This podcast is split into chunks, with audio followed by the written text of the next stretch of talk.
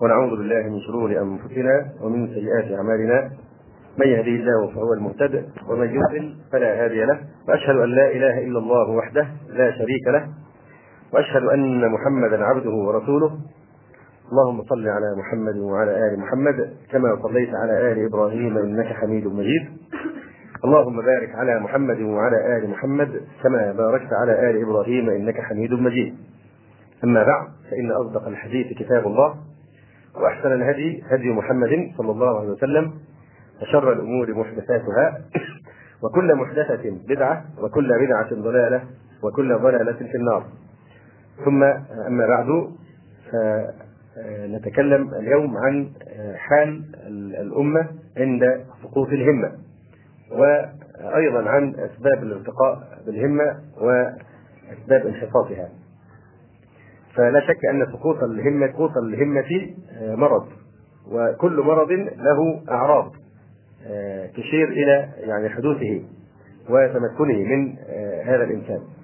ف أصل الأمراض التي تفشت في أمتنا هو هذا الأمر وهو سقوط الهمة ضعف الإرادة والهمة فدائما ما يتحالف سقوط الهمة مع الهوان والذل والصغار. كما قال صلى الله عليه وآله وسلم وجعل الذلة والصغار على من خالف أمره وجعل الذلة والصغار على من خالف أمره يعني سواء مخالفة الأمر من المسلم العاصي أو من الكافر الذي لا يؤمن برسول الله صلى الله عليه وسلم. فكل من حاد عن منهج الله ومنهج رسوله صلى الله عليه وسلم فلا بد له من الذل كما قال تبارك وتعالى أيضا أيبتغون عندهم العزة؟ فإن العزة لله جميعا. وقال تبارك وتعالى أيضا ولله العزة ولرسوله وللمؤمنين. وقال أيضا صلى الله عليه وسلم ما ترك قوم الجهاد إلا ذلوا. فإذا الذل حليف وثمرة طبيعية وعرض من أعراض مرض سقوط الهمة. فسقوط الهمة وضعف الإرادة هو أصل الأمراض التي تفشت في أمتنا. نحن نجد كثيرا من الناس يريد أن يتوب سواء على المستوى الفردي أو الجماعي. يريد أن يتوب يريد أن يستقيم. ومع ذلك لا يحصل تغير في حاله. لماذا؟ لضعف الهمة نرى رجلا مثلا يعني يسقط صريعا للتدخين أو للإدمان أو للخمر أو لكذا أو كذا من المعاصي. ويعني يؤنبه نفسه تؤنبه وتلومه ويريد أن يخرج من هذا الوحش ما الذي يمنعه من أن يخرج؟ هو يعرف أضرار التدخين ويرى ضحاياه ويرى السرطان الذي يحصل بسبب التدخين ويرى كذا وكذا وكذا. مما يحفظه أكثر من غيره. ومع ذلك لا يتحرر من هذا الأسر لماذا؟ ليس لهذا السبب ليس سبب ضعف العلم لأنه عنده علم بايه؟ عنده علم ب يعني بضرر هذه الأشياء وعنده علم بحكمها الشرعي لكن ليست هناك همة وليس هناك يقين وإرادة كافية ينهض بها من هذه الوهدة أو من هذه الحفرة نعم فهذا المرض هو الذي أورث أمتنا في هذا الزمان قحطا في الرجال وجفافا في القرائح وتقليدا أعمى وتواكلا وكسلا واستسلاما لما يسمى بالأمر الواقع. فالمسلم لا يعترف بشيء اسمه الأمر الواقع. الأمر الواقع هو شرع الله سبحانه وتعالى. شرع الله هو الأمر الواقع. أما ما يسمى بالأمر الواقع فكما أن الباطل جعله واقعا فالحق قادر على أن يصلح هذا الأمر ويعالجه ويجعل الحق هو الأمر الواقع. رأينا في التاريخ الماضي حلقا كثيرة جدا تثبت لنا وتجسد لنا اعراض هذا المرض المرض الخطير. مثلا رأينا كيف كان الجندي التتري يأمر المسلم الذي سقطت همته. طبعا سقوط الهمة أعظم وأخطر ما يظهر في حالات الحروب والجهاد في سبيل الله تبارك وتعالى. آه كما رأينا نماذج من قبل نماذج علو الهمة في جهاد الصحابة والسلف الصالح رضي الله تعالى عنهم وكيف يعني أناروا الدنيا مشارقها ومغاربها بجهادهم في سبيل الله. كذلك لما ترك المسلمون الجهاد ذلوا. آه فحينما يعني مما حكي في كتب التاريخ أن الجندي التتري كان يأمر المسلم الذي سقطت همته بأن يقعد مكانه. يقعد مكانه اجلس هنا. ثم يغيب حتى يحضر حجرا كبيرا ويظل المسلم جالسا مكانه ولا يتحرك ولا يفكر حتى في مجرد الهروب. من إيه؟ من من شدة ضعف الهمة. يجلس مكانه حتى يذهب هذا يحضر الحجر ثم يعود فيشدخ به رأسه ويغسله بهذا الحجر. والآخر جالس منتظرا الموت. أنت كده كده يعني ميت ومقتول. اذا قاوم حاول حتى أن تفر أو تهرب أو تقاوم لكن وصل الحد إلى أن يجلس منتظرا التتاري إلى أن يذهب ويحضر الحجر. ماذا يحضر الحجر؟ ليس معه سلاح. اذا قاوم لا يقاوم. يحضر الحجر ويعود يشبك به رأسه ويقتله آه، بذلك وهو لا يحرك ساكنا إلى أن ينجز السفري ما أوعده. نقفز لعصرنا الحاضر رأينا سقوط الهمة آه، في طبعا ما أكثر ما نرى سقوط الهمة في هذا الزمان والجراح يعني كثيرة جدا سواء في 48 مع اليهود في فلسطين والخيانات التي حصلت سواء في حرب 67 لما يعني حصل مسابقة اختراق الضاحية في بعرض سيناء والجنود هربوا وولوا بالسور المخزيه التي عرفناها. آه، في حرب الخليج الأخيرة رأينا كيف هذا المشهد التمثيلي المخزي حينما ركع الجندي العراقي أمام نعلي الجندي الأمريكي يقبلهما ويتنبح فيهما ويطلب منه العفو والصفح ثم الجندي الأمريكي الخبيث طبعا هذا كان يصور بالكاميرات فالجندي الأمريكي أيضا آه، حتى يعطي العالم درسا في التسامح ظل يربط على كتفه ويمسح على رأسه ويقول له لا بأس أنت بخير لا تقلق لا تجزع. ونشروها في كل العالم على أساس هذا نموذج من نماذج التسامح والأخلاق الأمريكية. فبلا شك هذا أيضا من مظاهر أو من أعراض هذا المرض سقوط الهمة. آه، رأينا كيف شكى ابن خلدون رحمه الله تعالى تشبه المسلمين في عصره ممن سفلت همتهم بأعدائهم الكفار.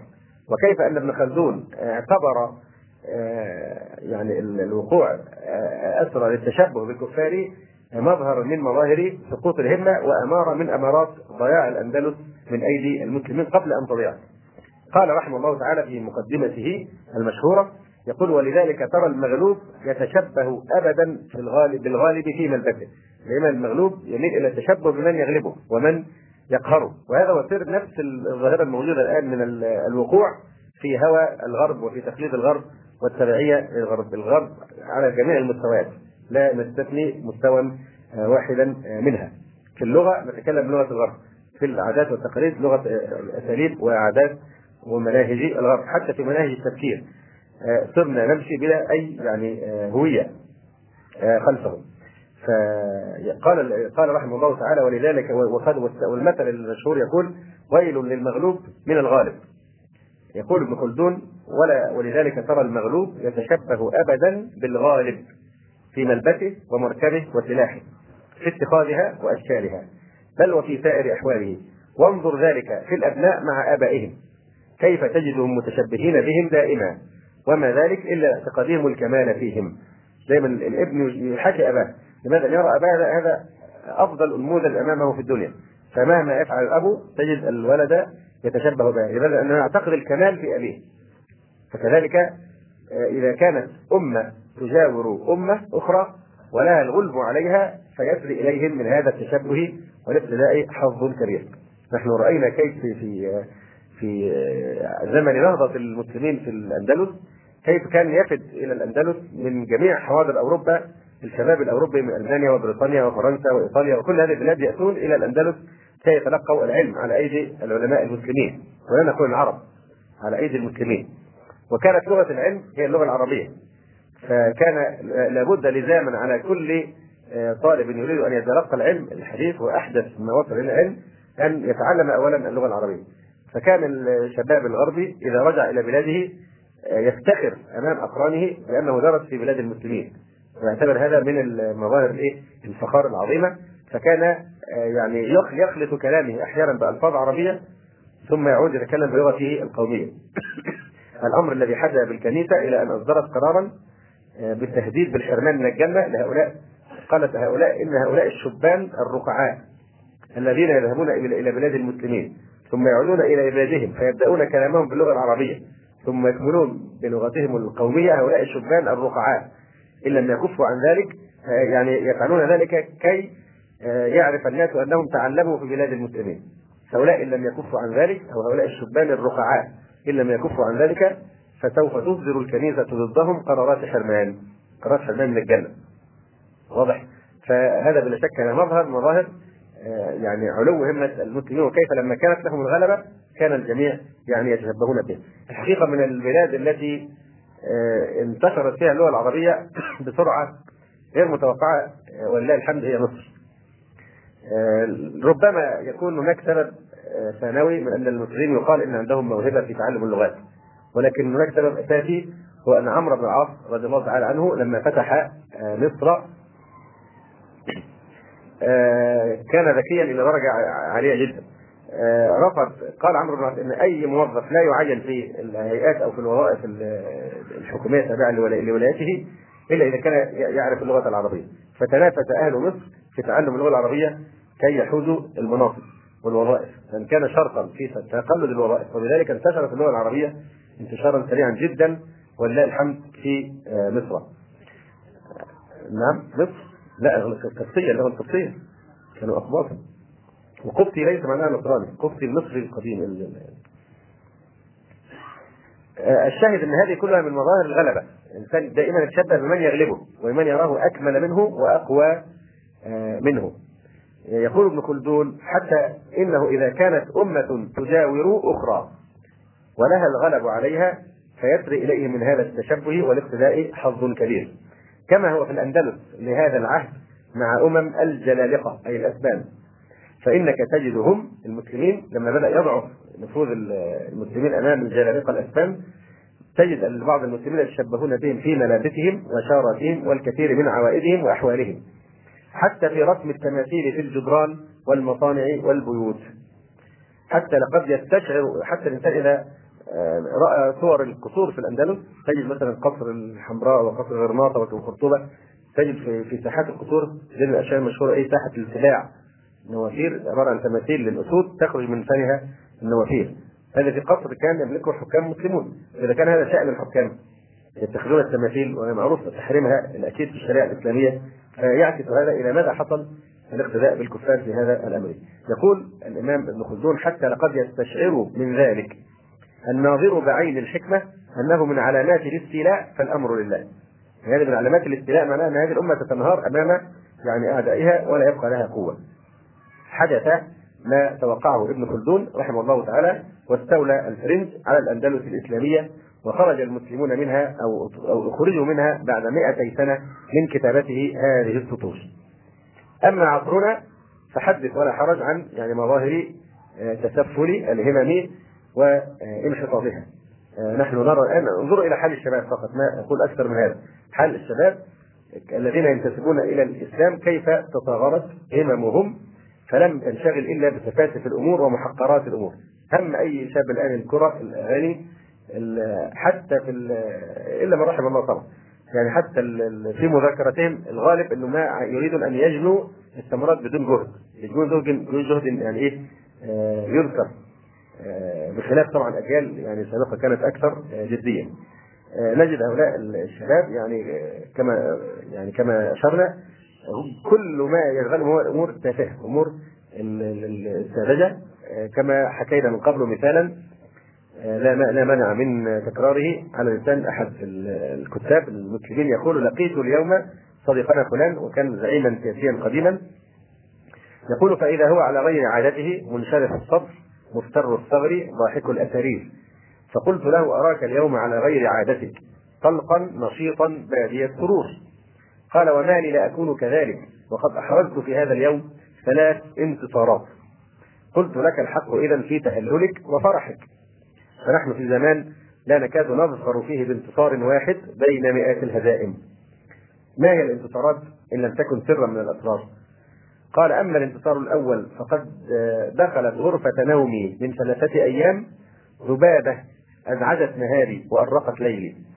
وقد حاولت جهدي طردها أو قتلها فلم أفلح إلى أن ظفرت بها اليوم فقتلتها شر قتلة وألقيتها حيث لا يمكن أن تعود حتى لو عادت إليها الحياة. قلت والانتصار الثاني. قال والانتصار الثاني شعرت به وأنا أزن نفسي في الحمام إذ هبط وزني من 99 كيلو إلى 98 و750 جراما. قلت والانتصار الثالث. قال لعبت اليوم بالنرد الطاولة مع صديقنا فلان. فغلبته مرتين متواليتين وهو الذي كان يغلبني باستمرار. أفتراني بعد ذلك كله حقيقا بما أنا عليه من السعادة والطلاقة والمرح؟ قلت بلى بلى. آه وتابعت طريقي بأسى بالغ وألم عميق وحزن غامر عليه وعلى أنفسنا معه. لقد سحقنا وعزلنا عن ميادين الحياة الجادة الطغيان الداخلي والخارجي المحلي والدولي. وفاتنا أو فاتتنا الانتصارات الحقيقية للكفر. يعني حتى الآن من الذي يوثق في البطل؟ البطل هذا إما الممثل في الفيلم أو في المسرحية أو في كرة القدم أو كذا هذا البطل هؤلاء هم الأبطال هذه البطولة الانتصار آه، النجوم. هذه الالفاظ الفخمة كي يتلهى بها الناس وتطلق على يعني اخس خلق الله سبحانه وتعالى واخبثهم أي نعم. يقول فشغلنا أنفسنا وعوضنا مطامحنا والتمسنا الراحة والمتعة والرضا بمثل انتصارات هذا السياسي الكبير القديم أو بما لا يختلف عنها بالجوهر وإن اختلف بالشكل والعنوان. أليس هذا ضربا من ضروب الجنون أو الموت المعنوي الذي يصنعه الطغيان؟ أليس الموت المادي الحقيقي أفضل من مثل هذه الحياة؟ نعم. آه فرأينا يعني كيف هؤلاء الشباب يمعنون في التشبه بالكفار آه بل يعلقون يعلقون على آه صورهم صور الممثلين اللي هو اخف الصور وأحط الصور الآن تعلق على صدور أولاد المسلمين كي يمشوا يعني آه، من أجل الدعاية للفواحش.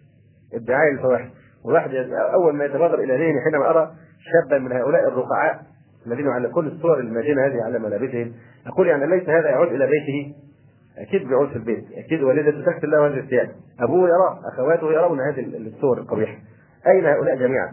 معنى ذلك إن في يعني آه، نوع من التخدير أو موت الغيرة في قلوب الناس إلى الحد أن يعني يمشي إنسان بهذه الصور القبيحة ويجهر بها آه، متحديا آه، حتى الأخلاق العامة ومع ذلك لا يخدش ولا يمس بأي سوء. ف يعني هو عبارة عن رقيق عبد فخور جدا بهذا الرق هذا هو باختصار آه، الدستور الذي نحن عليه عبد ذليل فخور بالذل وفخور بهذا حتى إنكم ترون الآن السيارات كيف تعلق الاعلام الأمريكية. سيارات يزينون الآن بالاعلام الأمريكية آه، ويعلقون عليها الآن بشتى يعني الصور. نجد سيارات عليها علم بريطانيا اللي فيه صليب قائم وصليب نائم صليبين علم بريطانيا وغيرها من الإعلام. وأنا أحب مش عارف آه، ألمانيا وأنا أحب أمريكا إلى آخر هذه التفاهات يعني المعروفه فها هم يعلقون على صدورهم وسياراتهم أعلام الدول التي التي أذلت كبرياءهم وطأطأت أعناقهم وأهدرت كرامتهم واستعبدت أمتهم.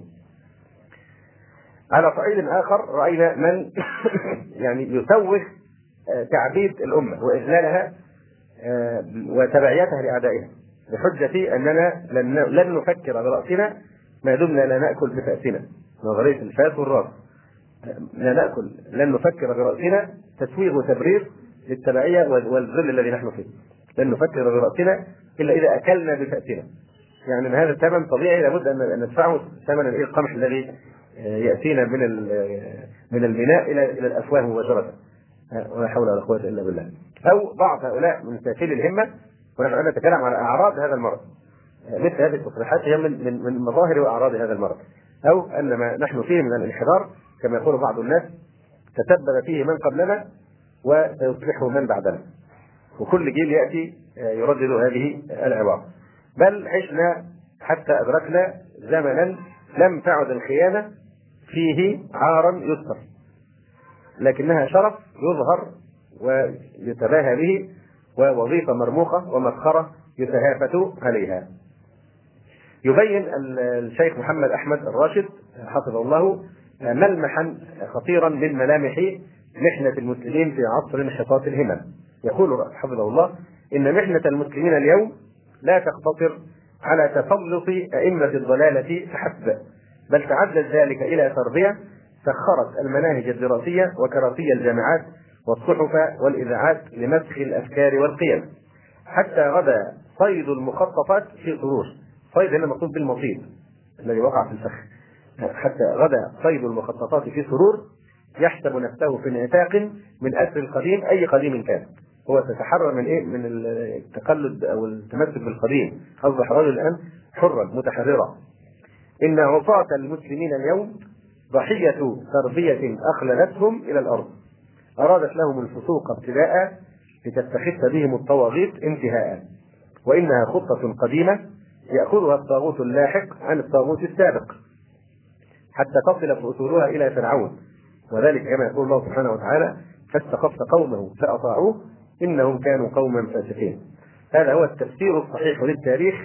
وما كان فرعون بقادر على أن يستخف قومه فيطيعوه لو لم يكونوا فاسقين عن دين الله.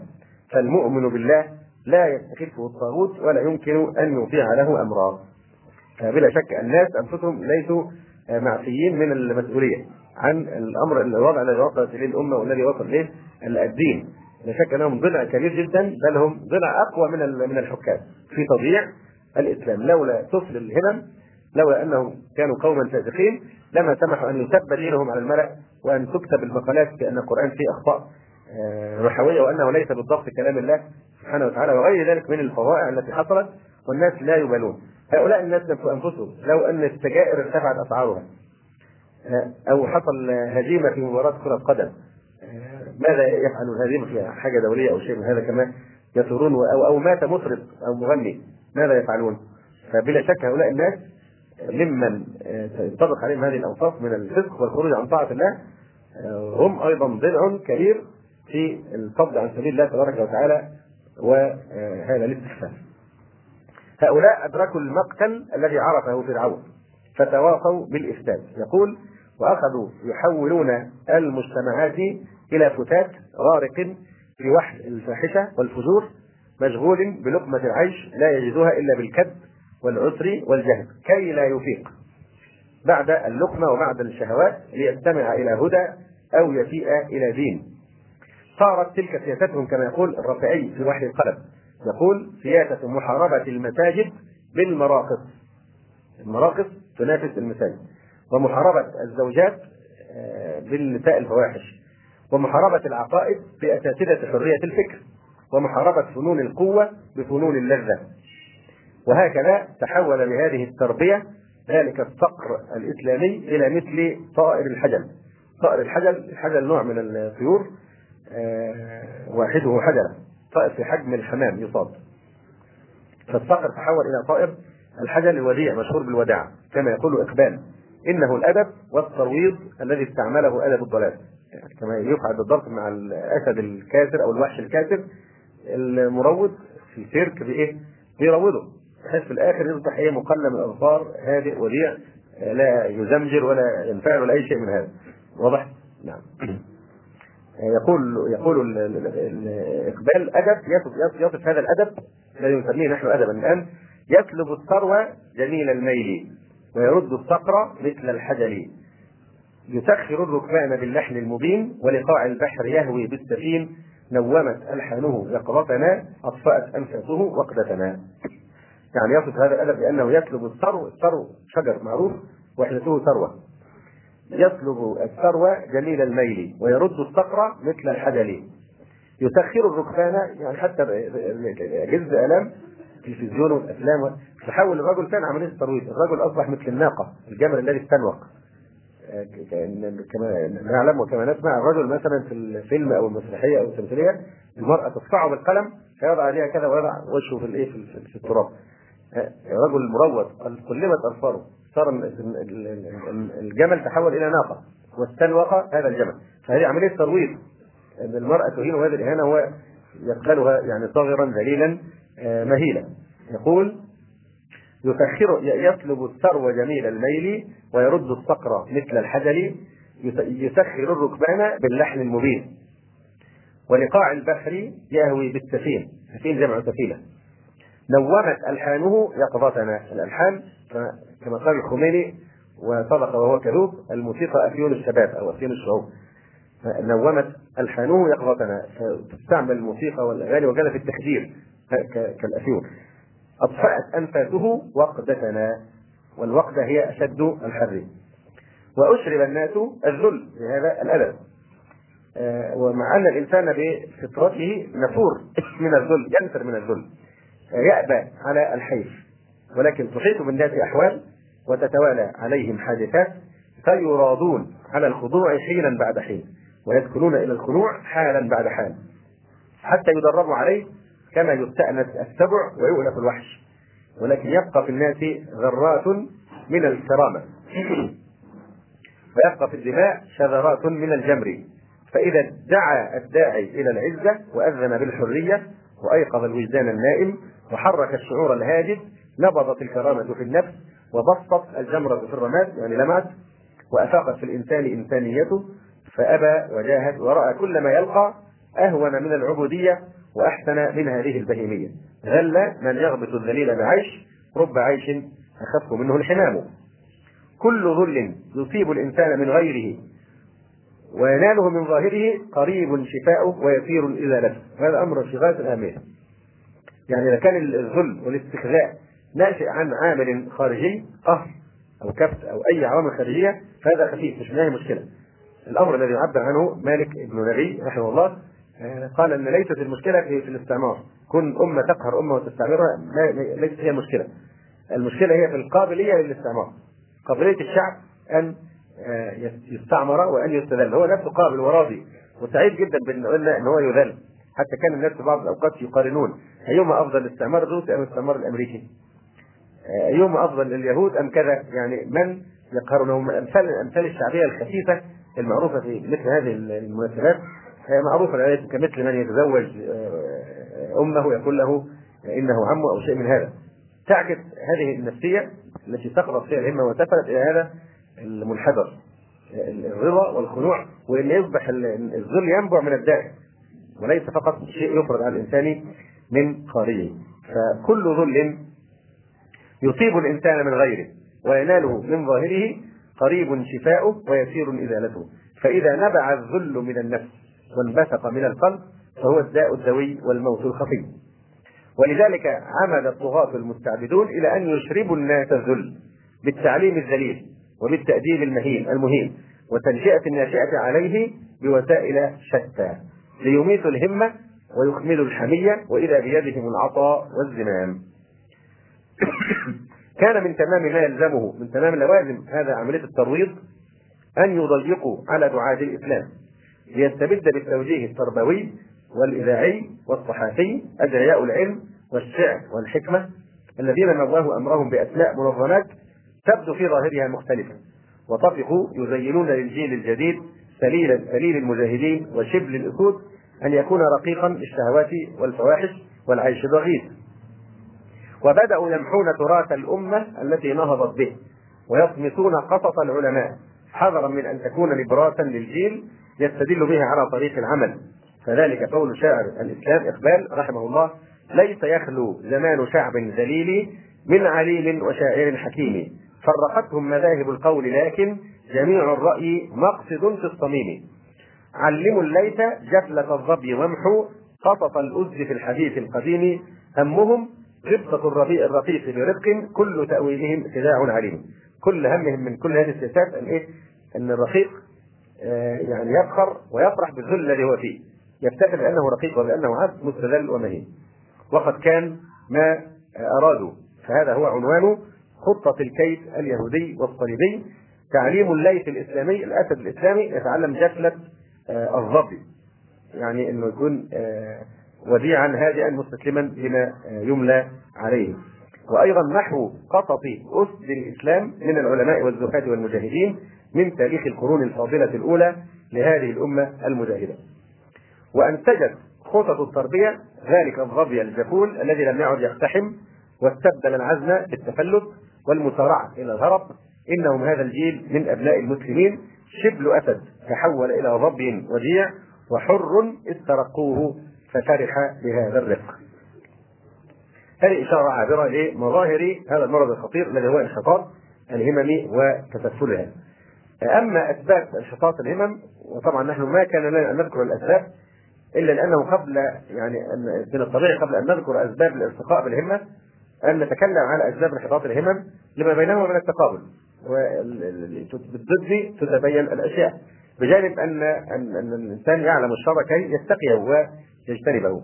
فأعظم أسباب هذا المرض الخطير آه، الوهن. الوهن كما فسره رسول الله صلى الله عليه وآله وسلم في الحديث آه، المعروف يوشك أن تداعى عليكم الأمم كما تداعى الأكلة إلى قطعتها.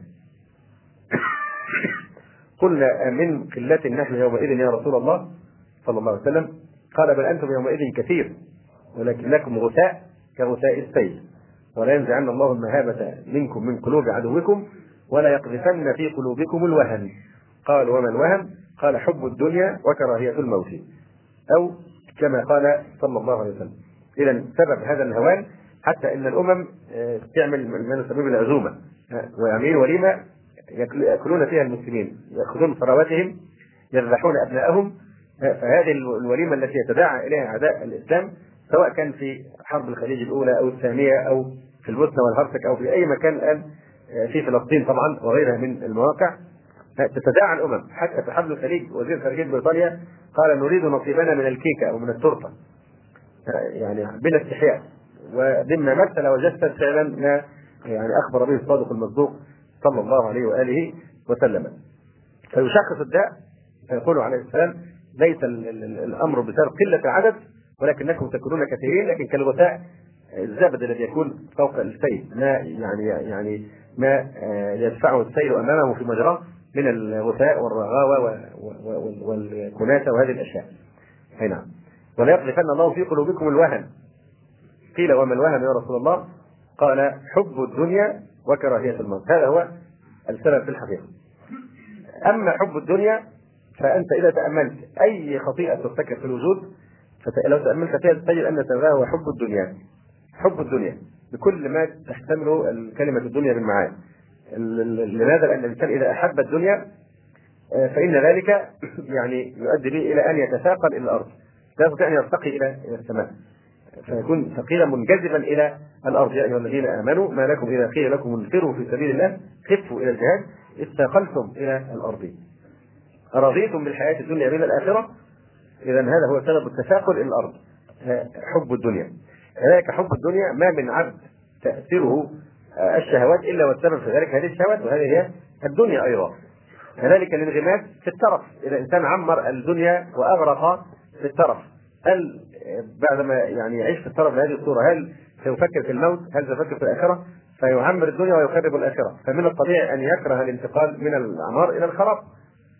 لأنه مخرب الآخرة، فبالتالي يميل إلى حب الدنيا ويتشبث بها. كذلك حب الدنيا هو الذي يؤدي إلى الناس بالتنافس في دار الغرور، تنافس على أمور الدنيا مما يعني يوجد الحسد والحقد والبغضاء والحروب والصراعات وهذه الأشياء. يقول الشاعر تفانى الرجال على حبها. قتل بعضهم بعضا في سبيل حب الدنيا. تفانى الرجال على حبها وما يحصلون على طائره قال ابن الجوزي رحمه الله تعالى واعلم أن زمن الابتلاء ضيف فراه الصبر. يعني البلاء الذي تعيشه في الدنيا مهما طال هو فترة مؤقتة فزمن البلاء هذا ضيف طارئ. لا يمكث عندك فترة طويلة قليلة جدا لأن العمر مهما طال فتمضي وتنتهي وستفضى أنت في خبر كان. تفضي إلى ما قدمت بين يديك. ففترة الحياة مهما طالت نفرض الإنسان عاش 100 سنة وقل من يعيش 100 سنة الآن. حتى لو عاش 100 سنة بقى ثم ماذا؟ ثم الموت كما قال ملك الموت لموسى عليه السلام. ثم ماذا قال الموت؟ قال فالآن. ونحن الآن آه يعني الإنسان حينما يكون موجودا في عمق الصورة لا يحسن التفكير المتجرد لكن إذا تدبر نفسه وتصور أنه منفصل عن تأثير هذه الصورة فإنه يستطيع الحكم بدقة. يعني نحن الآن يعرف بعضنا بعضا يعرف الإنسان جيرانه وأصدقائه وأقاربه وإخوانه وكذا وكذا فنحن يعني منشغلون ومنهمكون في هذا المحيط الذي يحيط بنا. هي ما هي إلا سنوات قليلة أو عقود قليلة من الزمان كل هؤلاء الذين تعرفهم أنت وهم ستكونون تحت التراب. وينتهي كل ما على وجه الأرض يأتي جيل جديد إلى أن يأذن الله سبحانه وتعالى بخراب الدنيا كلها فكما نحن نجلس الآن في هذه الأمطار من الأرض الآن هذه الأرض نفسها التي نعيش عليها كم من الناس عاشوا عليها من مئات السنين من آلاف السنين عاش عليها أمم أين هم الآن؟ هل تحس منهم من أحد أو تسمع لهم ركزه؟ كما مضى من قبلنا نحن أيضا سيأتي من بعدنا في نفس هذه الأراضي وهذه البلاد سيعيشون. وسكنتم في مساكن الذين ظلموا أنفسهم وتبين لكم كيف فعلنا بهم وضربنا لكم الأمثال. فقوم يجيئون وقوم يذهبون ولا ينفع الإنسان ولا يبقى معه إلا عمله الصالح. اذا كما يقول ابن الجوزي يعني زمان البلاء والتكليف والمشقة والصبر على الأذى والصبر على فتن الدنيا هو ضيف سريع الزوال قراه الصبر. إذا أتاك هذا الضيف البلاء في سبيل الدين القرى هو ما يقدم للضيف من الكرم. كأكرم هذا البلاء بأن تصبر عليه إلى أن يرحل. لن يبقى معك طويلا. ولذلك كان النبي آه، صلى الله عليه وسلم نفس هذا المعنى. يقول تعوذوا بالله من شر آه، جار المقام. فإن جار الظعن إذا شاء أن يزايل زايل. يقول واعلم أن زمان الابتلاء ضيف قراه الصبر. كما قال الإمام أحمد بن حنبل. كان الإمام أحمد يعزي نفسه على زهده في الدنيا بأن يقول إنما هو طعام دون طعام. طعام أقل من طعام. ولباس دون لباس. وإنها أيام قلائل فلا تنظر إلى لذة المترفين وتلمح عواقبهم. ولا تضق صدرا بضيق العيش. وعل الناقة بالحدو تسر.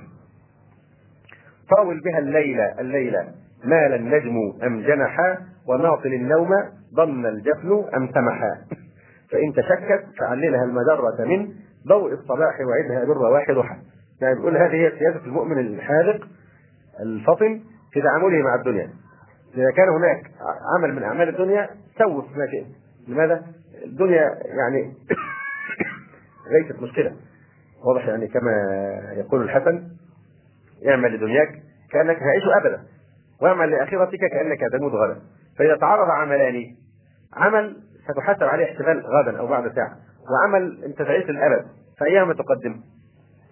على عكس ما يستعمل الناس هذه العبارة. اعمل هناك كأنك تعيش أبدا يفهموها أن أنت يعني اخدم الدنيا تماما. كأنك تعيش أبدا بالعكس الذي يعيش أبدا إذا فاته شيء من الدنيا الآن يعوضه غدا أو السنة القادمة أو التي بعدها الدنيا تعوض. أما الدين فلا يعوض. من كل شيء إذا ضيعته عوضه وليس في الله إن ضيعت من عوضه.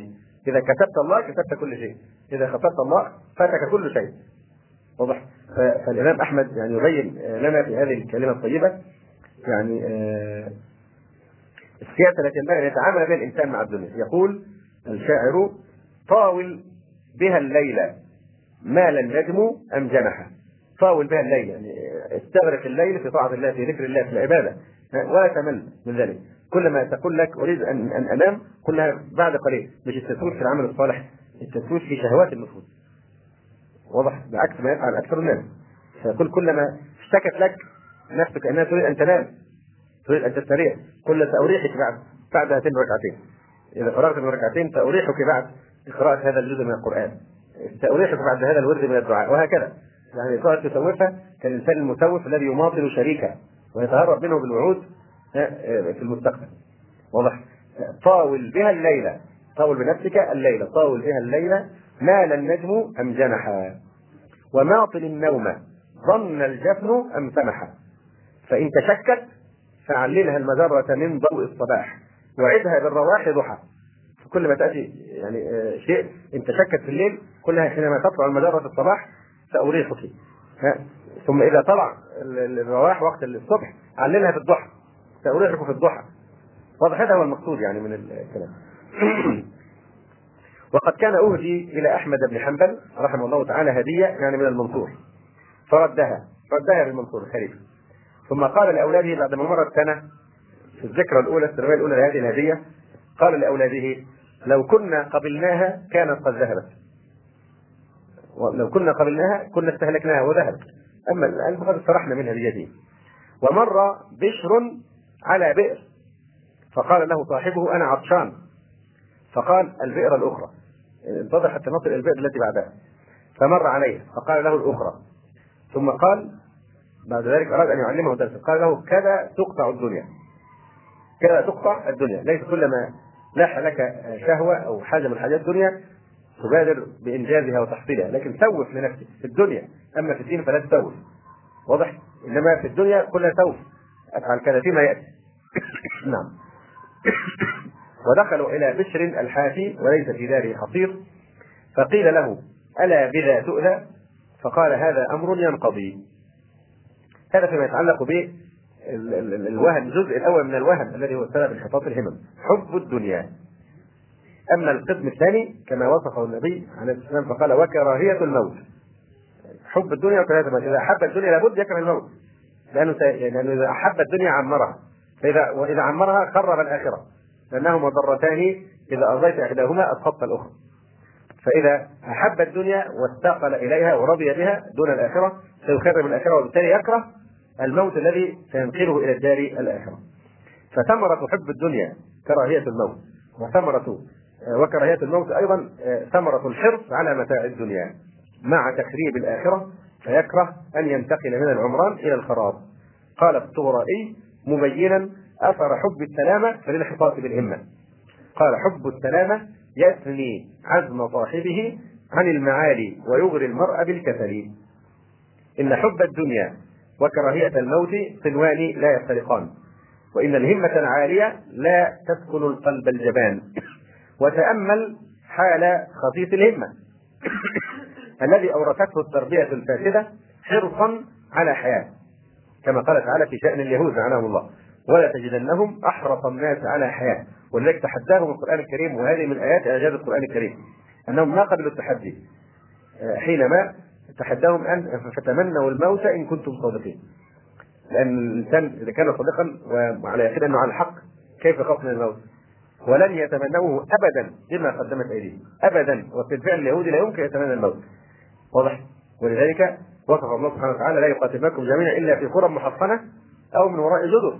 فأتهم بينهم شديد تحسبهم جميعا وقلوبهم شتى ونحن ما ننسى خط برليف وكيف يعني صنعوا هذا الخط؟ يجسد معنى هذه الآية. لا لا يقاتلونكم جميعا إلا في قرى محصنة أو من وراء جدود فحين نجد دائما الجنود المسلمين يعني إذا إذا هجم بنفسه على يهودي لا يثبت أمامه اليهودي حتى لو معه أسلحة أقوى منه. المسلم مستعد أن يلتهم حتى بأسنانه وأظافره. آه، ولذلك لا, يعني يقوون أبدا على المواجهة بدون هذه الأسلحة وهذه الجدر وهذه آه، الأشياء. فخفيف الهمة الذي أورثته التربية الفاسدة حرصا على الحياة أي حياة ولو تجد أنهم أحرص الناس على حياة على حياة.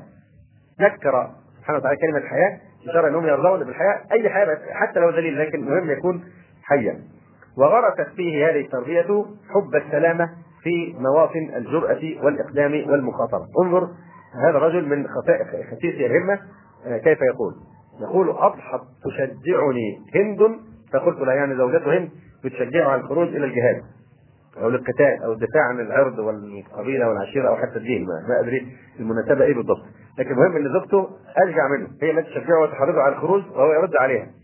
فيقول اضحت تشجعني هند؟ فقلت لها إن الشجاعة مقرور بها العصب. الشجاعة دي بتودي في إيه؟ في المهلكه إن الشجاعة معناها إنني قد أموت. أضحت أضحت هند تشجعني هند؟ فقلت لها إن الشجاعة مقرون بها العطب لا والذي حدت الأنصار كعبته. ما يستهي الموت عندي من له أرب. للحرب قوم أضل الله سعيهم. إذا دعتهم إلى حوماتها وثبوا ولست منهم ولا أهوى فعالهم لا القتل يعجبني منهم ولا السلب. فأعتقد واضح الكلام. لا يحتاج لشرح نعم يقول آخر. يقول آخر. يقول لي الأمير بغير جرم. تقدم حين حل بنا الميراث. قتال. فما لي إن أطعتك في حياة ولا لي غير هذا الراس راس. وما عندي راس ثانية. إذا صارت هذه في الحرب فماذا أعيش؟ أي نعم. يقول لي الأمير بغير جرم تقدم حين حل بنا الميراث فما لي إن أطعتك في حياة ولا لي غير هذا الراس راس فأين هذان الجبانان؟ من قول الشاعر إذا أراد الغزو لم تثني عزمه حصان عليها نظم ذر نظم ذر يزينها نهته فلما لم ترى النهي عافه بكت فبكى مما شجاها قطينها يصور موقفا آخر العكس. رجل خرج خارج الجهاد فزوجته ظلت إيه حصان آه، يعني ظلت تثنيه عن الخروج وتقول له إلى من تتركنا وكذا وكذا من هذا الكلام. إذا أراد الغزو لم تثني عزمه حصان عليها نظم در يزينها متزينة بالدر نهته فلما لم ترى النهي عاقه. ما أثر فيه النهي. بكت فبكى مما شاجها قطينها يعني من حولها من الحكم والخدم والأتباع بكوا لبكائها بل أين هذا الجبان من قول زهير بن أبي سلمى وهو شعر جاهلي ومع ذلك يقول وليس لمن لم يركب الهول بغية وليس لرحل حطه الله حامل. أيضا نقول أين هذا الذي يعني يقول هذا الكلام؟ من ذلك العبد الصالح الذي قال فيه رسول الله صلى الله عليه وسلم طوبى لعبد آخر بعنان فرسه في سبيل الله أشعث رأسه مغبرة مغبرة قد أشعث رأسه مغبرة. آخر بعنان فرسه في سبيل الله. كلما سمع بهيعة هيعة يعني صوت آه، تفزع منه وتخاف من العدو. رجل آخذ بعنان فرسه في سبيل الله كلما سمع بهيعة استوى على متنه على ظهره ثم طلب الموت مظانه إلى آخر الحديث. رواه أحمد ومسلم وابن ماجه. هذا فيما يتعلق بالسبب الأول من أسباب شطاط الهمة الوهن ما الوهن؟ لا يجوز تفسيره بغير ما فسره به رسول الله صلى الله عليه وسلم. حب الدنيا وكراهية الموت. منها الفتور. الفتور.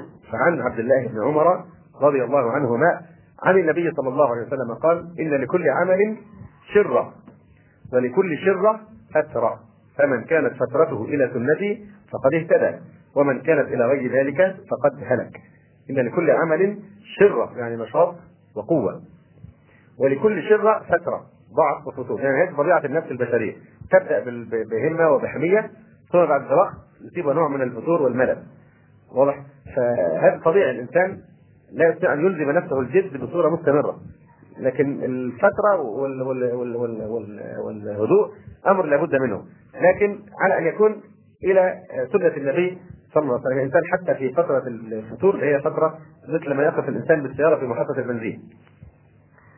آه، يعني آه، يقف دقائق نوع من للفطور الضعف أو الراحة أو التوقف من أجل أن يزوده. إن هذا الاستراحة إيه؟ تزود الإنسان بطاقة حتى يستطيع أن يستمر بعد ذلك. فما بالك لما يتخذ محطة البنزين يروح يجيب العفش والسرير والمطبخ والأكل والأواني ويضعها يتخذ من محطه البنزين آه، مقرا ومطرا له. أنتم تضحكون. لماذا؟ هذا شيء لا يعقل. لكن هذا ما نفعله نحن بالفعل. في المحطة التي المفروض ان هي تكون محطة الراحة لأجل التزود في محطة البنزين بالضبط. نحن نتخذها وطنا. وما يكون في حياتنا إلا اللهو واللعب والكرة واللغو. وهذه الاشياء ولا يكاد يوجد مظهر من مظاهر الجد يعني في حياتنا. يقول النبي صلى الله عليه وسلم إن لكل عمل شرة ولكل شرة فترة. فترة يعني تكون قليلة. ثم بعد ذلك يعاود الإيه؟ الجهد. فمن كانت فترته إلى سنتي اتبعني في الفترة كما يتبعوني في في الشرة فقد اهتدى. ومن كانت إلى غير ذلك فقد هلك. مثل من مثل من يقول ساعد ربك وساعد قلبك. وما يقصد لقلبك يعني القلب السليم ويقصد القلب المريض.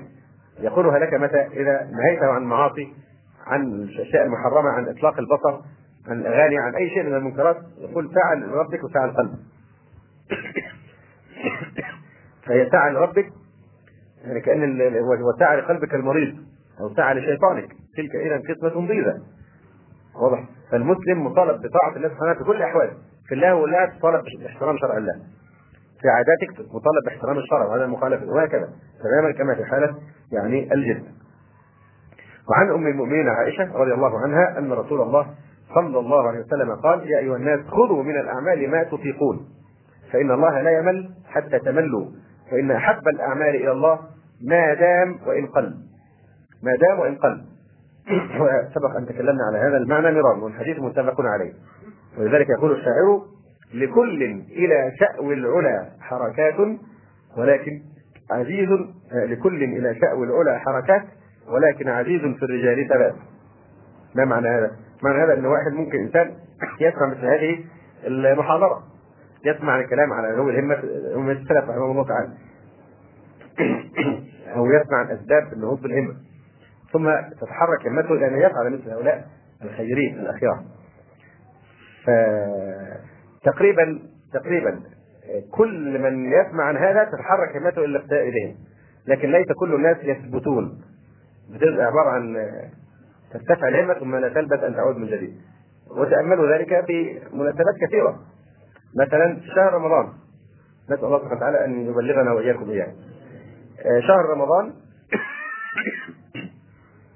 انظر في صلاة الفجر في أول آه، يوم من رمضان. المساجد مكتظه سواء في الفجر أو في الصلاة الخمس. ليه؟ لأن رمضان أتى وكل انسان يريد أن يتوب ويستقيم ويصلح حاله مع الله سبحانه وتعالى. فالهمة موجودة حتى في عوام الناس. واضح؟ فيقبلون اقبالا شديدا جدا. ثم انظر بقى إلى الحضار الذي يحصل آه، في الرسم البياني بمضي أيام الشهر. يبدأ الناس يتخلف رويدا رويدا رويدا حتى يعود أهل المسجد العاديين هم الذين يعمرون المسجد. وقف على ذلك احوالا كثيرة جدا. في طلب العلم في حفظ القرآن يبدأ في حفظ القرآن ثم لا يلبث أن آه، يتراخى. فمن رأى أن الله سبحانه وفقه إلى الثبات في طاعة بدأها واستمر ان هذا من فضل الله عليه الذي حرم منه الكثيرين. هنا فلذلك عبر الشعر عن هذا المعنى أدق تعبير. لكل لكل من الناس يعني لكل آه إلى شأو العلا حركات. ولكن عزيز في الرجال ثبات. العبرة بايه؟ بأن تثبت والا فاغلب الناس يفترون ويملون ولا يواصلون. ومن ثم قال النبي صلى الله عليه وسلم عبد الله بن عمرو رضي الله تعالى عنهما لا تكن مثل فلان كان يقوم الليل فترك قيام الليل. لا تكن مثل فلان كان يقوم الليل فترك قيام الليل يعني لأنه فتر فتر عن قيام الليل. فانظر إلى طاقتك انظر إلى طاقتك أنت طاقتك الجسمية وظروفك في العمل والوقت وغير ذلك. وانظر ما هو الذي يدخل في طاقتك؟ من الأوراد من قراءة القرآن من التعبد. ويكون قليل حتى بس في طاقتك بلا مبالغة. وتستمر عليه اهون من ان تبقى مثلا ثلاثة أيام تقوم بالليل بعد ذلك تهجر قيام الليل تماما. لماذا؟ لأن مثل هذا لن يؤثر في القلب ولن يعالج قسوة القلب الذي يعالج القلب هو الإيه؟ العمل المداوم عليه حتى لو كان قليلا أما وضربت هذا المثال تقريبا 100 مرة آه، لو أن معك برميل من الماء وطلقته مرة واحدة على صخرة لا يؤثر فيها على الإطلاق لكن لو أن نفس الكمية من الماء تساقطت على هذه الصخرة الصماء آه، قطره قطره ماذا تفعل؟ كلكم يقول انها تستخدم فيها حفيره حتى لو الانسان عنده حوض بينقط وفي بلاطة مثلا تحت الحوض مع الوقت بتحصل فيها حفيره نقطة ماء. نفس الكمية لو صببتها مرة واحدة لا تؤثر فنفس الشيء المقصود من العبادة علاج القلب ترقيق القلب إحياء القلب. فهذا لا يحصل إلا بالمداومة حتى مع جرعات قليله كعلاج أي مرض. هل الانسان لو أراد أن يتعاطى مثلا مضاد حيوي يأخذ الشريط كل يقول عشان يستعجل الدواء ويبلع الشريط هيحصل له تسمم. لكن علاج سنة الله سبحانه وتعالى إن إيه؟ رويدا ويراعي سنن الله سبحانه وتعالى. بالمداومة حتى لو قليل. قليل تداوم عليه مثلا اذكار النوم. ممكن واحد يقول أنا سأقول كل الأذكار النوم كل ليلة. ثم إذا به لا يواظب. يقول اثنين أو ثلاثة ثم ينام بعد ذلك يهجرها مثلا. لكن هو لو نوع قسم أذكار النوم لو هي 15 ذكر مثلا أو 18 اليوم الأول أقول ثلاثة أو أربعة، اليوم الثاني أقول أربعة تليه وهكذا بطريقة دورية فمع الوقت يأتي بها كلها وفي نفس الوقت لا يهجرها كلها وإنما يهجر بعضها إلى حين يعود يعني إليه. طبعا ثواب الأكثر أكثر لكن الأوسط أقصد واجدر بأن يدوم عليه صاحبه ويستمر وكان أحب العمل إلى النبي صلى الله عليه وسلم ما داوم عليه صاحبه وكان إذا عمل عملا أثبته وداوم عليه صلى الله عليه وسلم ولذلك تجد في الحديث إشارة إلى هذا. مثلا من ثابر على اثنتي عشر ركعة آه، دخل الجنة. من ثابر ثابر يعني واظب. ثابر يعني واظب ولم ينقطع ولم يصبه الفتور والملل. من أسباب آه، انحطاط الهمم إهدار الوقت الثمين إهدار الوقت الثمين في الزيارات آه، ثمر وفضول المباحات. آه، قال صلى الله عليه وسلم نعمتان مغبون فيهما كثير من الناس الصحة والفراغ. لماذا؟ لأن الإنسان قد يعطى الصحة لكن لا يعطى الفراغ. لماذا؟ كيف؟ كحال أغلب الناس الذين يعني كما وصفهم النبي عليه الصلاة والسلام في قوله إن الله يبغض كل جعذري جواد صخاب في الأسواق. جيفة بالليل حمار بالنهار. عالم بأمر الدنيا جاهل بأمر الآخرة. والشاهد منه قوله جيفة بالليل حمار بالنهار. وكلمة حمار ما المقصود منها؟ السبت. مقصود التشبيه كما يعني كما يكدح الحمار في النهار ويتحمل المشقة والتعب وحتى يضرب في المثل يقول يعمل فلان يعمل مثل الحمار. يعني إيه؟ يعمل عملا شقا جدا ويداوم عليه ويصبر عليه. فإذا أتى الليل لا يذكر الله سبحانه وتعالى. جيت بالليل جثة من قبل الليل خشب مسنده حمار بالنهار. واضح؟ ف ف عنده حمار بالنهار لماذا في طلب الدنيا؟ لأنه عنده إيه؟ نعمة الصحه فبعض الناس يؤتى الصحة لكن ليس عنده الفراغ الوقت. عنده صحة يفتح للدنيا لكن ليس عنده وقت مشغول دائما بالدنيا. ناس ثانيين نجد عندهم الإيه؟ حرموا نعمة الصحة. وعندهم وقت. مثل الإنسان المريض. المريض مرضا مزمنا أو شديدا لا يمكنه من فعل أي شيء مفيد. فماذا عند هذا؟ عنده الوقت. ما في شيء يشغله لأنه مريض مداوم مثلا أو ملازم للفراش. لكن فقد فقط الصحة. فيعني أتم وأكمل ما يكون الأمر للإنسان إذا امتن الله سبحانه وتعالى عليه بهذين الأمرين. صحة مع فراغ. فإذا استثمرهما في طاعة الله سبحانه وتعالى سخر الصحة سخر الفراغ في طاعة الله وفي المقاصد الخيرية فهذا هذه أعظم نعمة على العبد.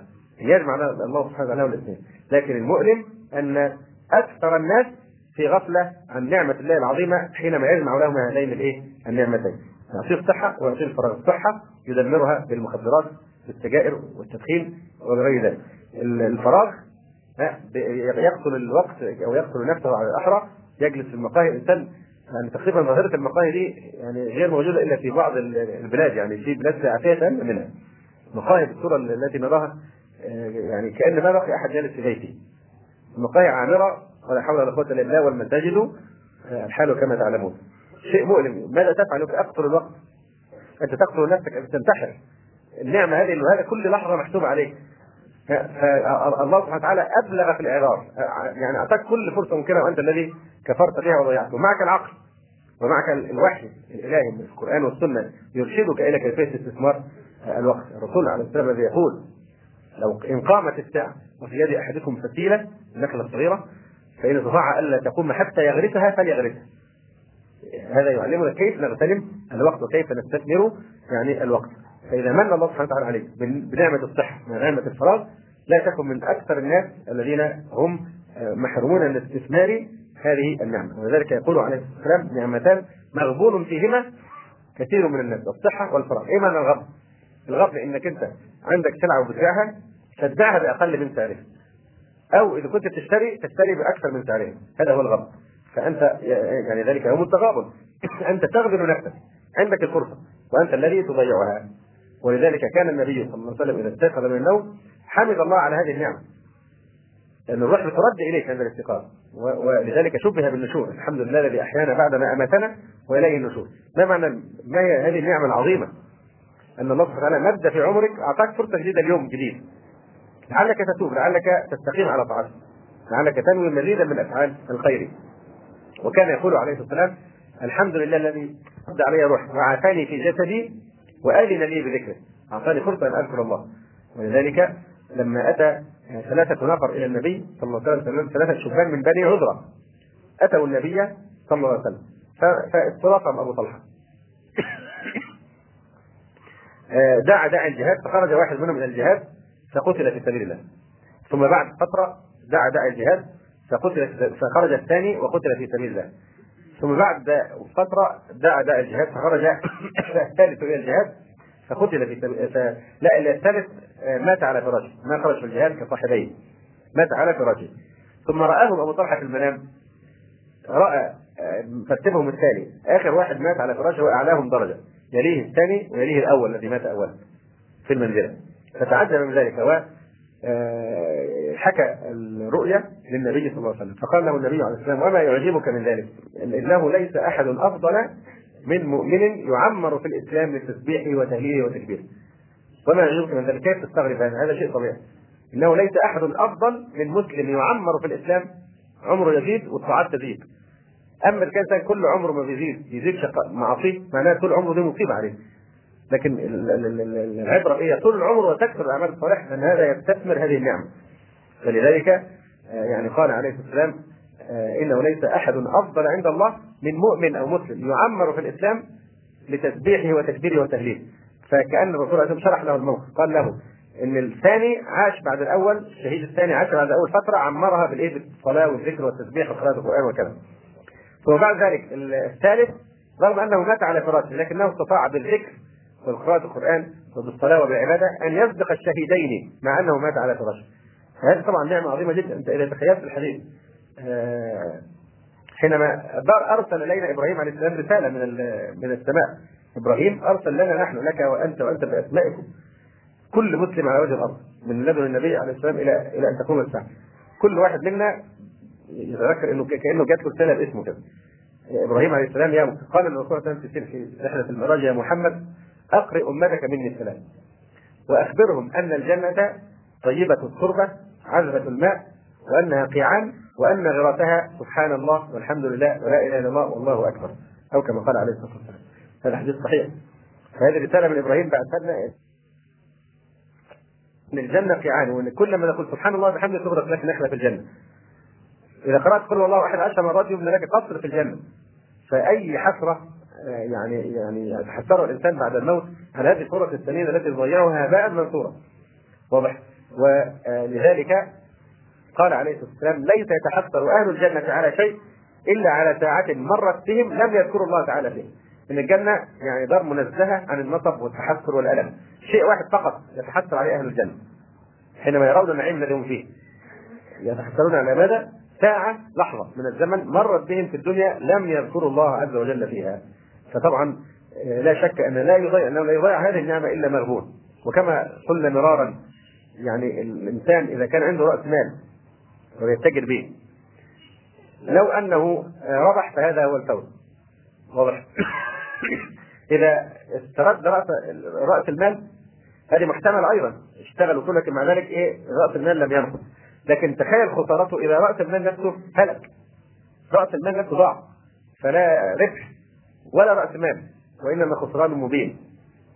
وقلت لكم مرارا أيضا كيف أن بعض العلماء قال تعلمت تفسير سورة العصر من بائع ثلج. تعلمت سورة تفسير سورة العصر من بائع ثلج. ما معنى تعلمت سورة العصر؟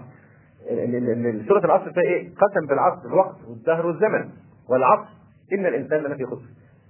يعني كل الناس في خسر. من كلمة الإنسان يعني كل إنسان. ثم استثنى قلة قليلة.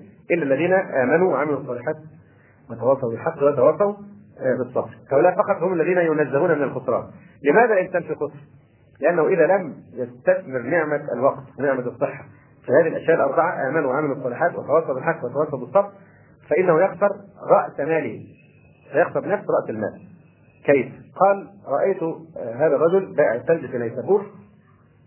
يعني ما أدري كيف كانوا يصنعون الثلج لكن المهم إنه قوالب الثلج معروفة. ما فيش ثلاجات ولا مجمدات بحيث يحفظ فيها الثلج فالسوق انفض وصلاة العصر الناس صلت فبقي عنده الواح من الثلج اللي هي رأس ماله ثلج ماء مجمد بيبيعه للناس. فالثلج إيه؟ ما اتباعش والعصر خلاص العصر السوق بينفض فالرجل كان يسير كالمجنون في, في الطرقات وفي الشوارع يحمل الثلج ويقول للناس ارحموا من يذوب رأس ماله. ارحموا من يذوب رأس ماله. رأس ماله مية متجمدة. إذا ذابت هل يبقى عنده رأس مال؟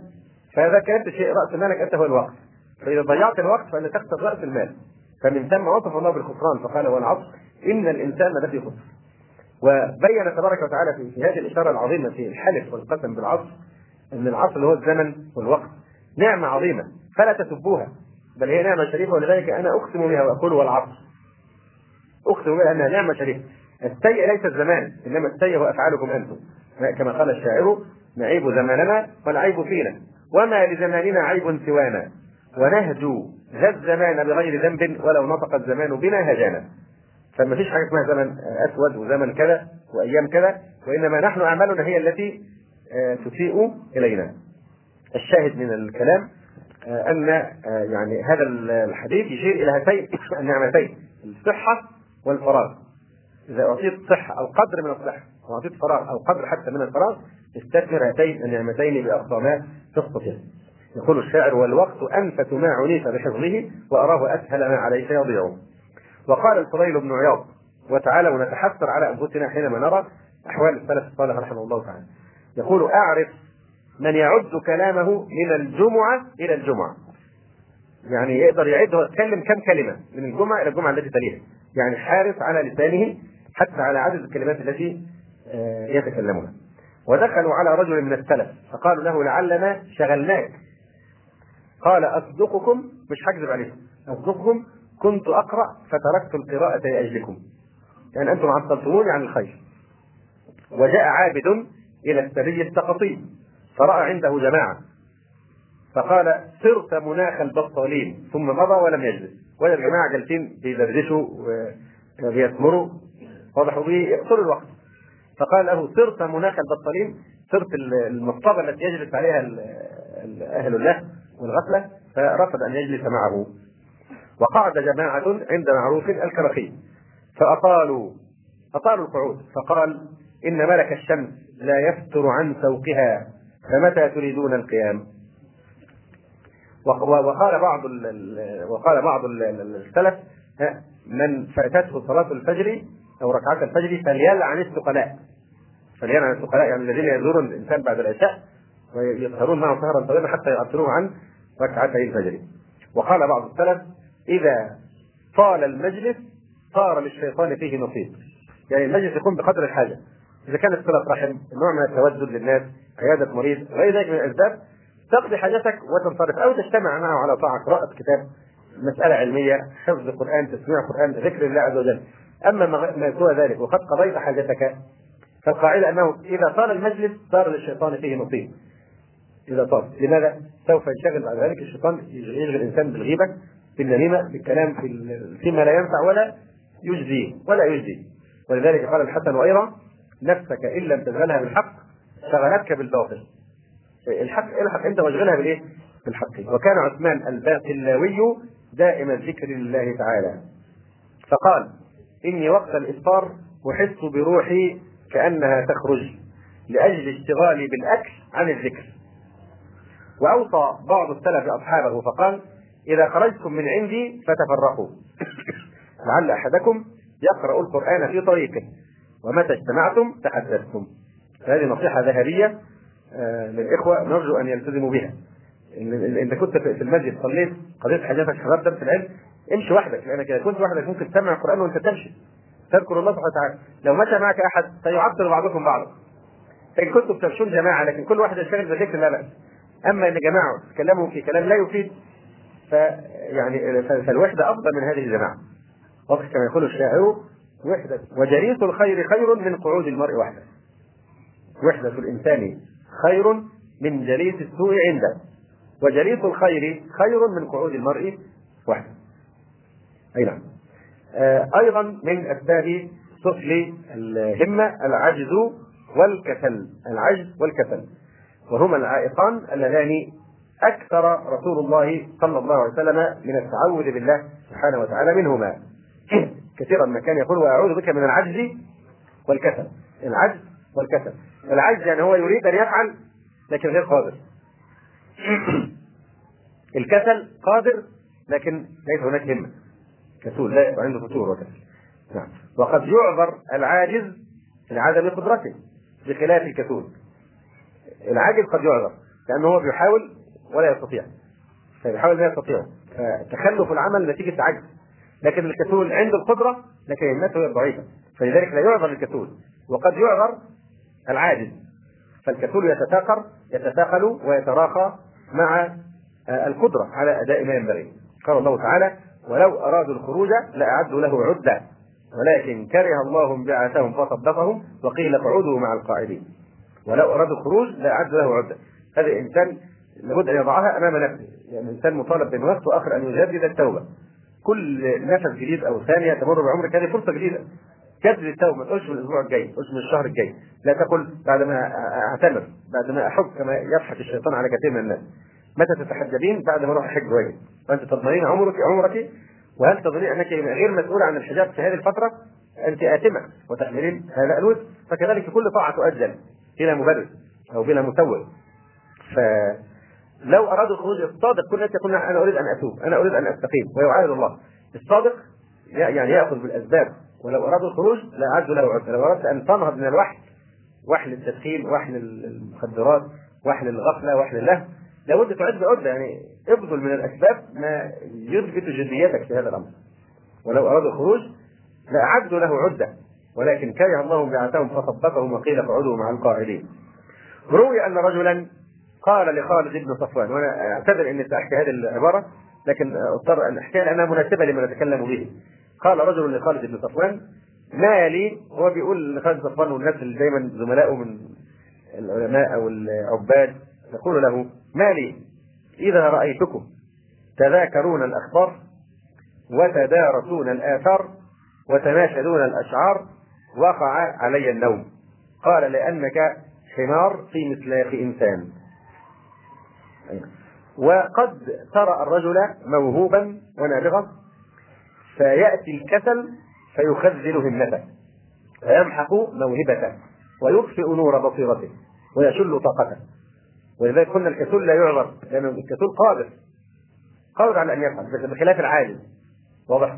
فممكن إنسان يكون موهوب فعلا وذكي وقادر على العمل لكن إيه؟ تنحط همته فتشل طاقته. قال الفراء رحمه الله تعالى لا أرحم احدا كرحمتي لرجلين رجل يطلب العلم ولا فهم له ورجل يفهم ولا يطلبه وإني لاعجب ممن في وسعه أن يطلب العلم ولا يتعلم. قال المتنبي ولم أرى في عيوب الناس عيبا كنقص القادرين على التمام. أنت قادر لكن الكسل هو الذي يعجزك ذلك لا تعذر بالكسل. ومنها أي من أسباب ضعف الهمة الغفلة. شجرة الغفلة تسقى بماء الجهل. كلما زاد الجهل كلما زادت الغفلة في الإنسان. آه، والجهل عدو الفضائل كلها. هل علمتم أمة في جهلها ظهرت في المجد حسناء الرباء قال عمر رضي الله عنه الراحة للرجال غفلة. وقال شعبة بن الحجاج لا تقعدوا فراغا فإن الموت يطلبكم. لا تقعد فارغ من العمل الصالح آه، لأن ما في شيء اسمه فراغ. الموت يطلبك الموت يجري وراك. وكل لحظة تمر أنت تقترب خطوة إلى القبر. وهو موعد أنت لا تعرف متى يحل. قد يكون بعد ساعة بعد لحظة بعد دقيقة بعد سنة. لا تدري متى يحضر. فكن متأهلا لملاقاة آه، الموت. ولذلك يقول لا تقعدوا فراغا فإن الموت يطلبكم. ولذلك قال أبو الدرداء عجبت لطالب الدنيا والموت يطلبه هو بيجري وراء الدنيا والموت بيجري وراه عجبت لطالب الدنيا والموت يطلبه ولغافل وليس بمغفور عنه. هو غافل لكن هل لا غافل عنه؟ لا ليس بمغفور عنه. إن كنا نستنسخ ما كنتم تعملون. وغافل وليس بمغفور عنه وضاحك من أتيه ولا يدري رضي الله عنه أم سقط عليه ضاحك من أتيه كما نرى اللي بيضحكوا في الحاجات الكوميدية وال يضحكون على الإخوة في التمثيليات والمتطرفين والإرهابيين وكل هذا من مما يحيي الشياطين إلى هؤلاء الناس يضحك ويفرح ويمرح وهو لا يدري هل الله سبحانه وتعالى فوق السماء راض عنه أم ساخط عليه؟ أي نعم. إن الذين أجرموا كانوا من الذين آمنوا يضحكون وإذا مروا بهم يتغامزون وإذا انقلبوا إلى اهلهم انقلبوا فكهين ينكتوا على آه، هؤلاء الملتزمين. أي نعم. وسئل ابن الجوزي أيجوز أن أفتح لنفسي في مباح الملاهي؟ فقال عند نفسك من الغفلة ما يكفيها يقول الأستاذ محمد أحمد الراشد حفظه الله تعالى الحقيقة كلامه طيب جدا في هذه المسألة فأريد قدرا كبيرا من التركيز. يقول فإن اعترض معترض أتيناه بمثل كلام ابن القيم رحمه الله حيث يقول لا بد من سنه الغفلة ورقاد الغفلة ولكن كن خفيف النوم.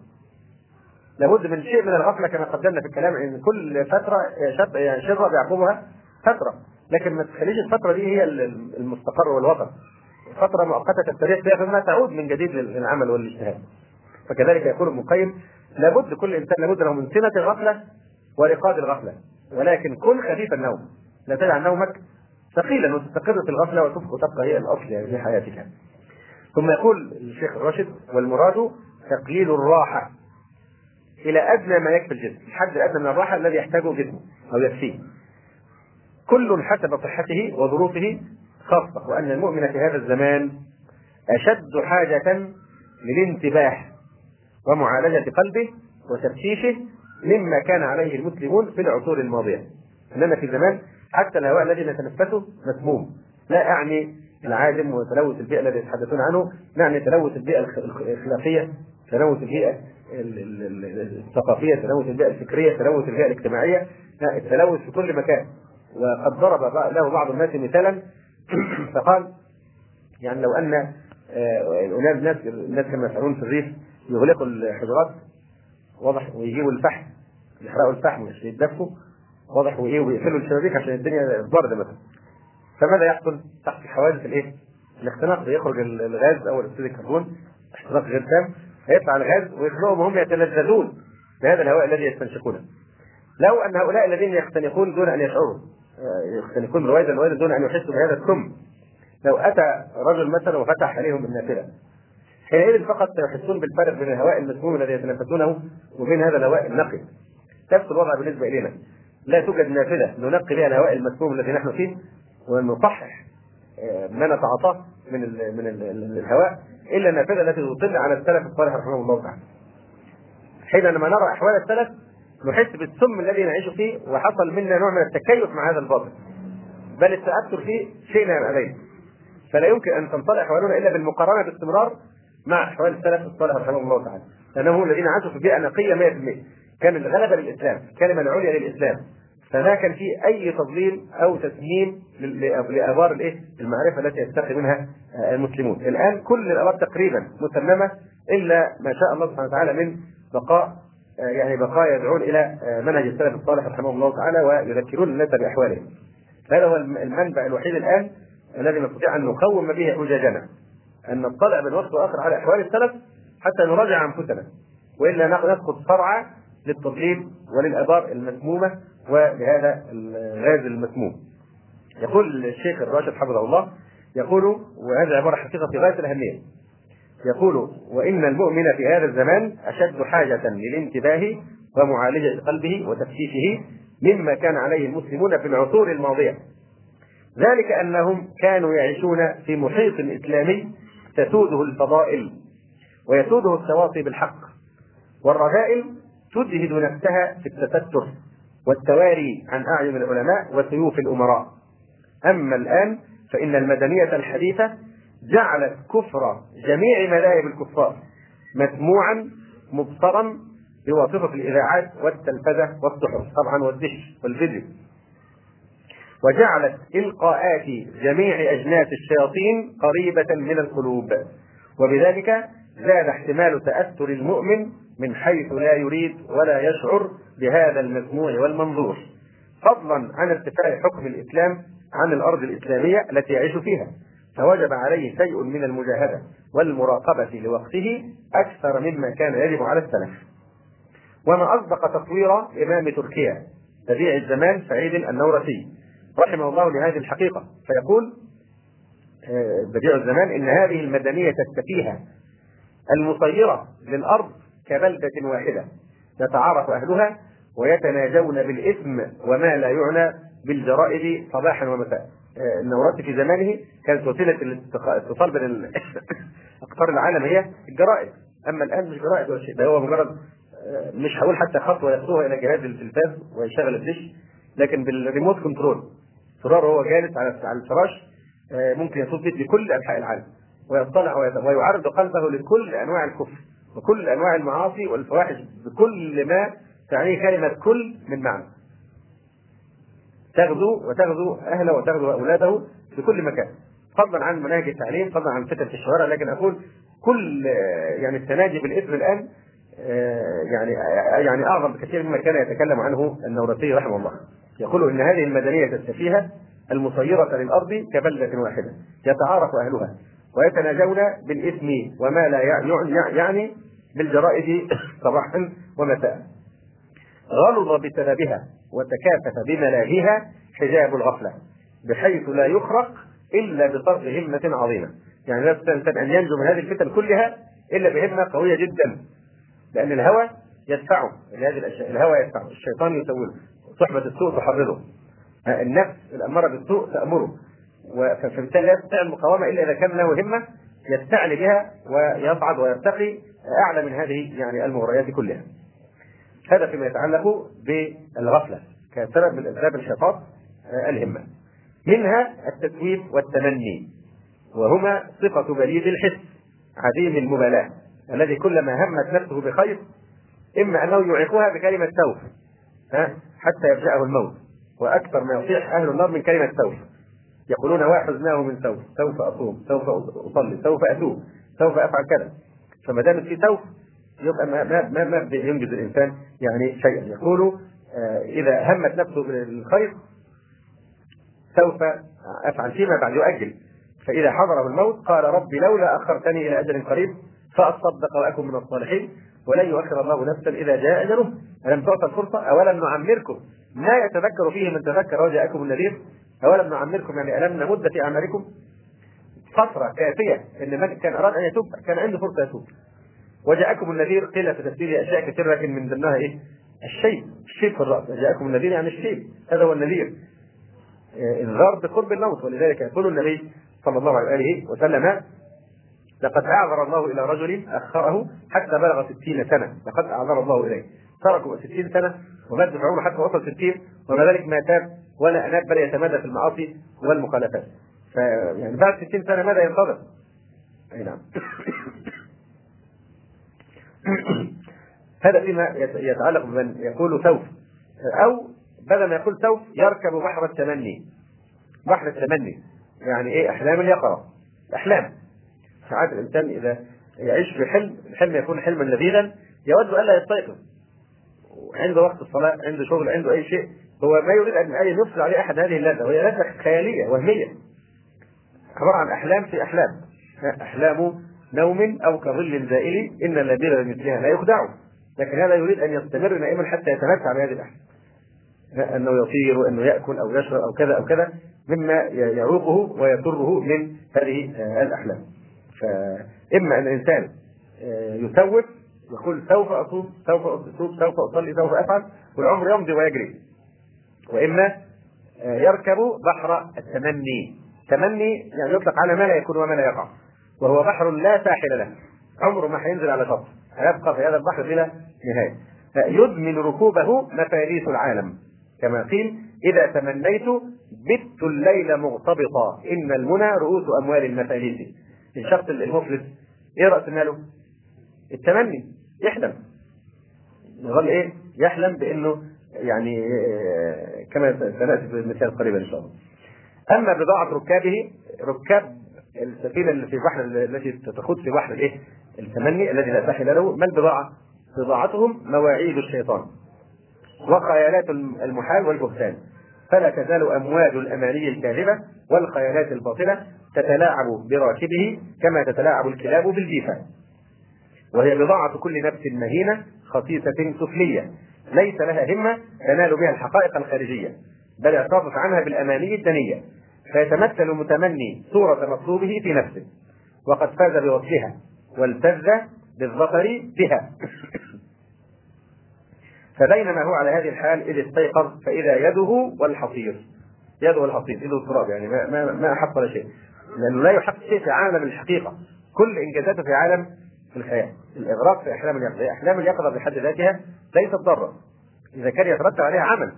يعني كل إنسان يعني وهو مستيقظ يفكر يفعل كذا وكذا من أعمال الخير مثلا أو يخطط لشيء نافع له.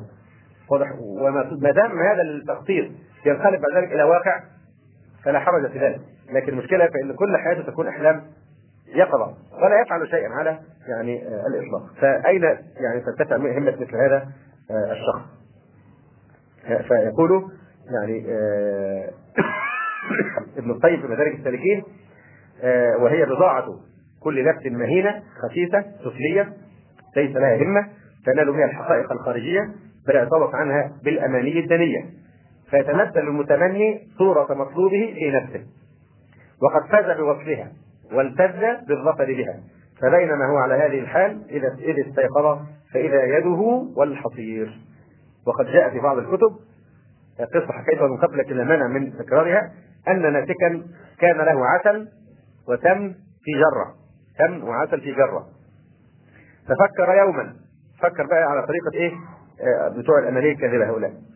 ففكر يوم فقال أبيع الجرة. انظر استغراقه في أحلام اليقظة وفي الأمانية أبيع الجرة بعشرة دراهم. وأشتري بالعشرة دراهم خمسة أعنز. ذلك.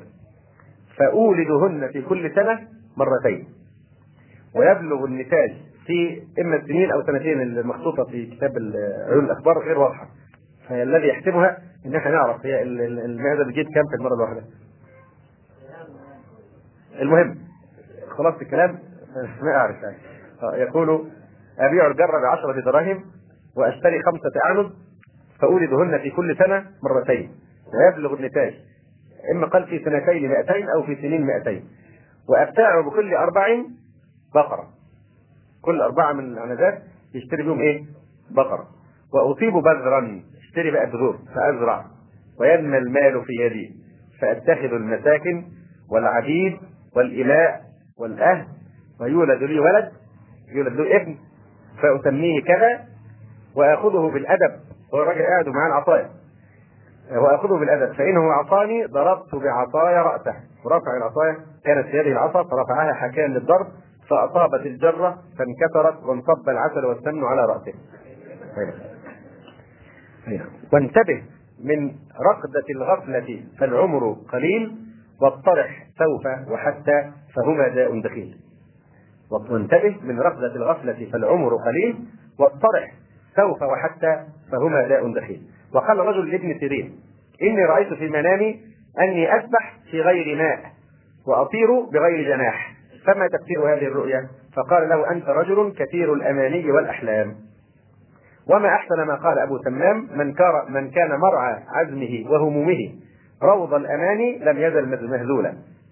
يعني بيشبهه بالمرعى. العزيمة بتاعته بدل ما بيطبق الأفعال كل المرعى الأرض اللي بيرعى فيها العزيمة بتاعته شبهها بالغنم يعني هي إيه؟ أرض الأماني أرض برداء فحله فيها اماني كاذبة فقط. فهتبقى إيه؟ عزيمته دائما هزيلة. هتثمن تثمن من ما تأكل شيء. من كان مرعى عزمه وهمومه روض الاماني لم يزل مهزولا. وعن الحسن قال المؤمن من يعلم أن ما قال الله عز وجل كما قال. والمؤمن أحسن الناس عملا وأشد الناس خوفا. لو أنفق جبلا من مال ما أمن دون أن يعاين. يعني لو, لو أنفق جبل من مال في سبيل الله لا يأمن عذاب الله سبحانه وتعالى ولا سوء الخاتمة إلا بعد أن ينجيه الله غير الجنة بعينيه قبل ذلك لا يأمن. لا يزداد صلاحا وبرا وعبادة إلا ازداد فرقا. يعني خوفا من الله. كلما زاد العبادة كلما زاد خوفا من الله مش الاغترار بالله. يقول لا أنجو لا أنجو. والمنافق يقول المنافق يقول سواد الناس كثير عدد الناس كثير وسيغفر لي ولا بأس علي. يسيء العمل ويتمنى على الله تعالى. يعني السلف الصالح كانوا يحسنون ويخافون. أما نحن فنسيء ونرجو ونطمع ونؤمل وقال المتنبي منزها نفسه عن الاستغراق في أحلام اليقظة ومبينا كيف ألف الحقائق واعتاد ركوب المخاطر. يقول وما كنت له بيمدح يعني أحد ممدوحيه آه، يقول وما كنت ممن أدرك الملك بالمنى ولكن بأيام أشبنا النواصية. لبثت لها كدر العجاج كأنما ترى غير صاف أن ترى الجو صافيا. يعني حالة استثنائية لو جو صافي فهو غير صافي. لأنك تعودت على المحن وتعودت على آه، الشدائد وخوض آه، الأهوال. معنى كدر العجاج هو غبار الحرب. يقول وما كنت ممن أدرك الملك بالمنى ولكن بأيام أشبنا النواصية. لبثت لها كدر العجاج كأنما ترى غير صاف أن ترى الجو صافيا. من أسباب انحطاط الهمة وهو أخطر أو من أخطر هذه الأسباب ملاحظة سافر الهمة من طلاب الدنيا.